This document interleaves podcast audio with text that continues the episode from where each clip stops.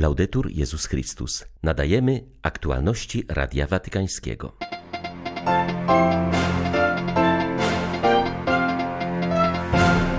Watykan przypomina, że droga synodalna w Niemczech nie może ustanawiać nowych struktur, doktryn i moralności. Decyzje w tych sprawach zapadają na poziomie Kościoła Powszechnego. Do wsłuchiwania się w głos stworzenia zachęca papież w orędziu na Światowy Dzień Modlitw o ochronę świata stworzonego. Rosyjska inwazja na Ukrainę pokazała, że konieczna jest pilna reforma Rady Bezpieczeństwa ONZ, uważa szef watykańskiej dyplomacji. 21 lipca witają Państwa Beata Zajączkowska i Łukasz Sośniak. Zapraszamy na serwis informacyjny. Stolica Apostolska wydała deklarację na temat drogi synodalnej w Niemczech. Niezbędnym jest doprecyzowanie, iż droga synodalna nie ma uprawnień do zobowiązywania biskupów i wiernych, by przyjęli nową formę sprawowania władzy oraz nowe stanowiska w sprawie doktryny i moralności. Czytamy w wydanej dziś po włosku i niemiecku oficjalnej deklaracji Stolicy Apostolskiej. Watykan podkreśla, że niedopuszczalne jest ustanawianie nowych struktur urzędowych lub doktryn w diecezjach, zanim zostanie to uzgodnione na szczeblu Kościoła Powszechnego, bo byłaby to rana dla komunii kościelnej i zagrażałoby to jedności Kościoła. W dalszej części deklaracji przytoczono słowa papieża Franciszka z listu do katolików w Niemczech, w którym podkreślił on, że kościoły partykularne żyją i rozwijają się w kościele powszechnym. Jeśli zaś żyją w oderwaniu od całego ciała kościoła, ulegają osłabieniu, gniją i umierają. Stąd potrzeba utrzymania żywej i faktycznej komunii z całym kościołem. Stolica Apostolska wyraża więc nadzieję, że propozycje drogi synodalnej w Niemczech włączą się w proces synodalny, który przebiega dziś w Kościele Powszechnym, dla wzajemnego ubogacenia i świadectwa tej jedności, poprzez którą Kościół wyraża swą wierność Chrystusowi Panu. Ziemia zdana na łaskę naszych konsumpcyjnych ekscesów jęczy i błaga nas o zaprzestanie naszych nadużyć i jej niszczenia. Papież pisze o tym w orędziu na Światowy Dzień Modlitw o ochronę świata stworzonego. Nosi ono tytuł Wsłuchaj się w głos stworzenia i jest zachętą do nawrócenia ekologicznego i zmiany szkodliwego stylu życia. Światowy Dzień Modlitw o ochronę świata stworzonego obchodzony jest 1 września i wpisuje się w ekumeniczną inicjatywę, jaką jest czas dla stworzenia, który kończy się we wspomnienie świętego Franciszka z Asyżu. Ojciec Święty przypomina, że stworzenie krzyczy, żaląc się na złe traktowanie, co powinno nas zmusić do zmiany stylu życia. Wołają o to także najubożsi. Narażeni na kryzys klimatyczny najdotkliwiej odczuwają oni skutki susz, powodzi, huraganów i fal upałów, które stają się coraz częstsze. Franciszek wskazuje, że protest wołający do nieba wznoszą też nasi bracia i siostry rdzennych narodów. Powodu żarłocznych interesów ekonomicznych terytoria ich przodków są najeżdżane i dewastowane. Rosyjska inwazja na Ukrainę pokazała, że konieczna jest pilna reforma Rady Bezpieczeństwa ONZ. Jej głównym zadaniem jest utrzymanie pokoju i bezpieczeństwa na świecie, jednak biorąc pod uwagę, że członkiem stałym Rady jest Rosja, to zobowiązanie brzmi obecnie jak drwina. Mówi o tym szef papieskiej dyplomacji w wywiadzie dla jezuickiego czasopisma Ameryka. Arcybiskup Paul Gallagher zaznacza, że reforma Rady Bezpieczeństwa na pewno nie wypłynie z niej samej, ponieważ zostanie zablokowana przez Rosję. Konieczne zmiany muszą wyjść ze Zgromadzenia Ogólnego Narodów Zjednoczonych. Zapytany o najpilniejsze wyzwania, przyznaje, że najbardziej oczekuje zakończenia wojny na Ukrainie. Jak podkreślił, jest ona źródłem największego cierpienia i niepokoju. Stała się przyczyną kryzysów, zwłaszcza żywnościowych, obejmujących nie tylko Europę, ale niemalże cały świat. Zdaniem watykańskiego dyplomaty eskalacja konfliktu zagraża przyszłości Starego Kontynentu. Ostatniej nocy Charków i Mikołajów kolejny raz doznały zmasowanych ataków rakietowych na dzielnice mieszkalne, mówił w swym codziennym przesłaniu arcybiskup Światosław Szewczuk. Zaznaczył, że o okrucieństwie najeźdźców przypominają dwa obrazy. Mężczyzny z Charkowa modlącego się na klęczkach nad ciałem swego trzynastoletniego syna i zamordowanych przez Rosjan rolników, którzy pracowali w polu podczas żniw. Wołamy do Boga o ratunek, pytamy, czemu to się dzieje, ale nie poddajemy się, zapewnił arcybiskup Szewczuk. Zwierzchnik ukraińskich grekokatolików przypomniał, że modlitwa jest siłą chrześcijanina. Nie ma takich okoliczności, takiego miejsca, gdzie modlitwa byłaby niemożliwa. Modlitwa ma moc przemiany czasu i miejsca dookoła nas. Przestrzenią naszej modlitwy jest każde miejsce, w którym przebywamy. W tym przypadku Ukraina, nawet jeśli wokół nas toczy się wojna. Boże, błogosław Ukrainę. Błogosław dzieci Ukrainy i nasze wojska. Błogosław naszych rolników, którzy z narażeniem życia pracują na polach podczas żniwa, aby można było nakarmić głodnych. Ukraińcy nie czują się zapomniani przez świat. Fakt, że wiadomości o wojnie zniknęły z pierwszych stron gazet jeszcze niczego nie oznacza, mówi ksiądz Maksym Riabuka z Kijowa. Podkreśla, że dla Ukrainy ważniejsze jest to, iż nieustannie dociera pomoc wojskowa i trwają negocjacje polityczne, o których nie zawsze można mówić otwarcie. Zauważa on, że widząc ile ludzi jest na ulicach Kijowa czy w metrze, można odnieść wrażenie, że przynajmniej trzy czwarte mieszkańców wróciło do swych domów. Podobnie jest nawet w Charkowie, który nie zaznał ani jednego dnia bez bombardowań. Nie oznacza to jednak, że Ukraińcy przyzwyczaili się do wojny, mówi ksiądz Riabuka.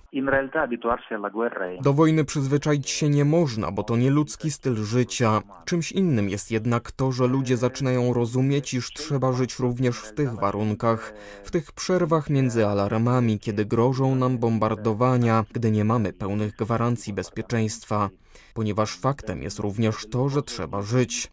Nie można tylko czekać na przyszły pokój. Trzeba żyć już teraz, robiąc wszystko, co możliwe, nie zapominając na przykład, że w domu są dzieci, że one rosną. To jest ich dzieciństwo. One nie będą mogły powtórzyć swego życia, nadrobić w przyszłości straconego dzieciństwa za kilka miesięcy czy lat. Dlatego ważne jest, abyśmy żyli właśnie dzisiaj. Continuare a vivere. Prawosławni nacjonaliści, którzy spotkali się na Uralu, chcą przywrócenia imperialnej Rosji. Należą do polityczno-religijnego stowarzyszenia założonego w latach 90. przez obecnego patriarchę moskiewskiego Cyryla i żądają państwa całkowicie wolnego od wpływów Zachodu. Ich zdaniem początkiem tej drogi ku wolności jest inwazja na Ukrainę. W skład rady wchodzą politycy, wojskowi, przywódcy religijni, oraz przedstawiciele świata nauki, kultury i oświaty. Głównym gościem zjazdu był ideolog nacjonalistyczny i oligarcha Konstantin Małofijew, który wygłosił przemówienie inauguracyjne pod tytułem Prawosławie i świat XXI wieku. Podkreślił, że obecnie głównym wyzwaniem Rosji jest przeciwstawienie się globalistycznemu Zachodowi, co dokonuje się głównie na Ukrainie. Konieczne jest zaktualizowanie idei imperialnej, wychodząc z założenia, że Rosja jest państwem naturalnie autorytarnym. Konstantin Małofiejew to tak zwany oligarcha prawosławny, a więc człowiek, który uwłaszczył się przejmując dobra publiczne, ale jednocześnie eksponujący swą rzekomą głęboką religijność. W świecie znany jest przede wszystkim z aktywnego wspierania prorosyjskich ruchów separatystycznych na Ukrainie. Również obecnie sponsoruje on zbrodnie Putina. Społeczeństwo europejskie musi stawić czoła nasilającemu się zjawisku prześladowania byłych muzułmanów, którzy nawrócili się na chrześcijaństwo.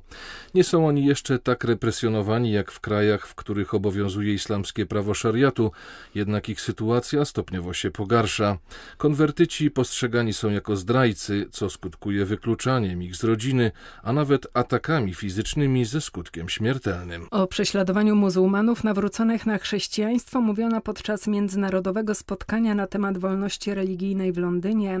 Przedstawiono tam raport, z którego wynika, że wolność religijna konwertytów jest w Europie coraz częściej łamana. Mimo, że żyją na starym kontynencie, to ich rodzime wspólnoty aplikują do nich obowiązujące w krajach ich pochodzenia zasady szariatu.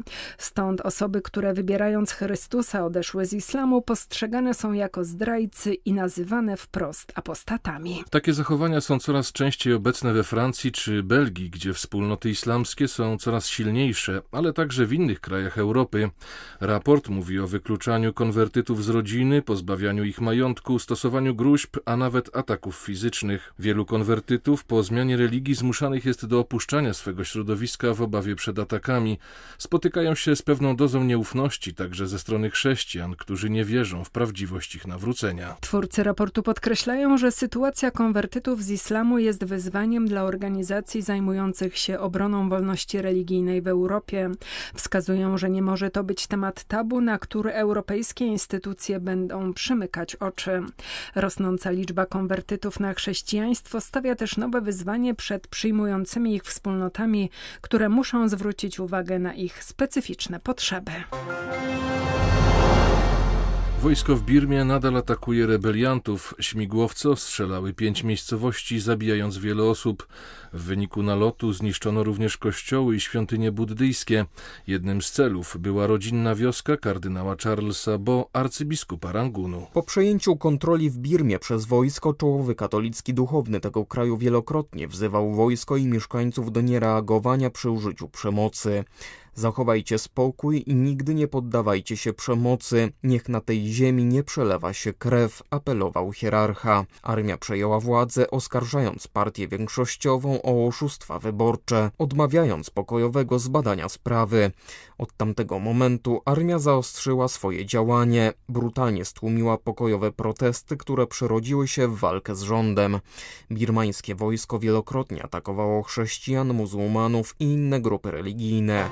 you Tour de France wystartował dziś spod sanktuarium maryjnego w Lourdes. Ten najsłynniejszy wyścig kolarski co kilka lat przejeżdża przez to miasto.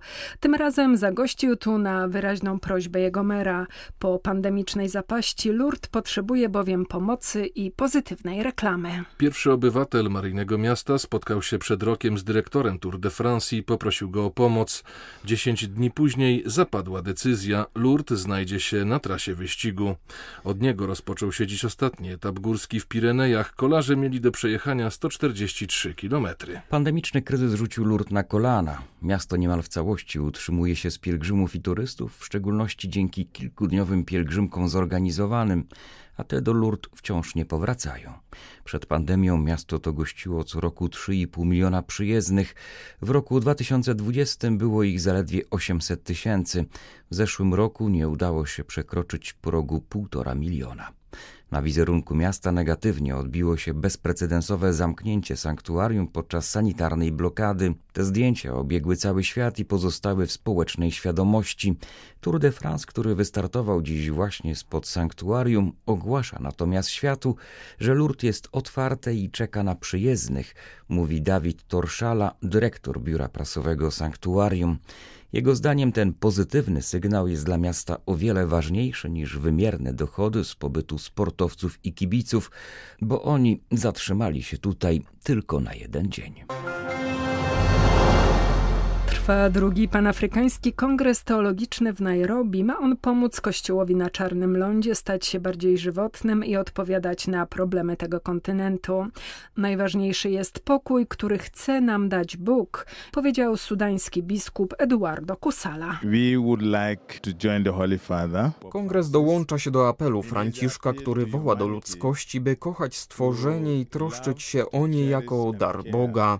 To apel o przebudzenie. Obudźcie się, zatrzymajcie się i pomyślcie o sobie samych. Bóg nas stworzył, ale przed nami także stworzenie z całym jego pięknem.